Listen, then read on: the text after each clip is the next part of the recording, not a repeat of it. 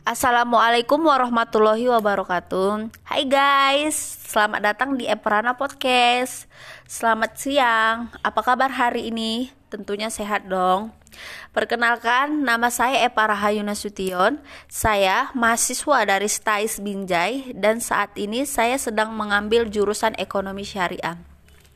Di acara podcast kali ini, saya akan berbagi info tentang bisnis internasional, di mana saya akan menjelaskan tentang ruang lingkup dalam bisnis internasional dengan ditemanin oleh teman saya.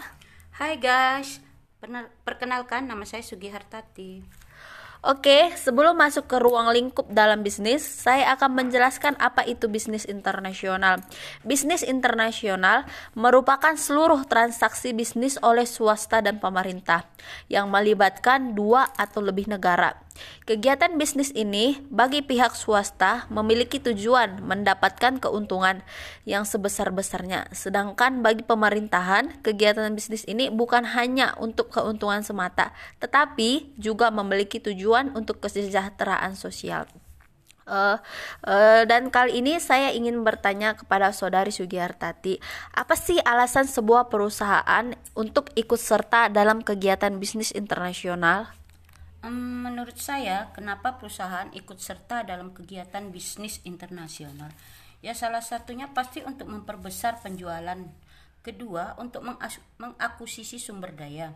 Karena sebuah perusahaan yang memiliki akses terhadap sumber daya yang dibutuhkan akan dapat dipastikan perusahaan tersebut akan memenangkan persaingan dan yang terakhir untuk mendispersikan sumber-sumber penjualan dan penawaran. Dan saat ini perkembangan kegiatan bisnis internasional juga semakin maju dan pesat, seperti kegiatan ekspor dan impor yang semakin tinggi dan kegiatan investasi juga sangat tinggi kepada keperusahaan-perusahaan lain dan ke negara tujuan tertentu. Uh, dan menurut saudari Sugiyartati, uh, apa sih yang membuat ataupun yang menyebabkan kegiatan bisnis internasional semakin maju? Ya mungkin juga karena kemajuan atau peningkatan yang pesat dalam teknologi dan eks ekspansi sehingga transportasi menjadi lebih baik dan komunikasi yang memungkinkan untuk melakukan sesuatu dengan mudah meski dari jarak jauh. Dan terus liber, liberalisasi dalam kebijakan pemerintah dan perkembangan lembaga yang diperlukan untuk memfasilitasi perdagangan internasional dan peningkatan dalam kompetisi dan kompetisi kompetisi global.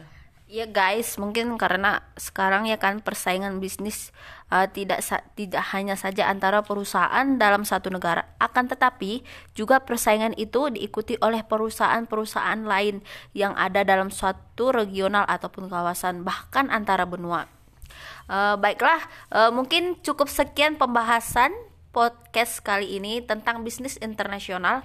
Uh, semoga teman-teman dapat mengambil manfaatnya uh, ataupun ilmunya tentang perbisnisan ini dan terima kasih kepada teman saya karena telah bersedia hadir di podcast kali ini.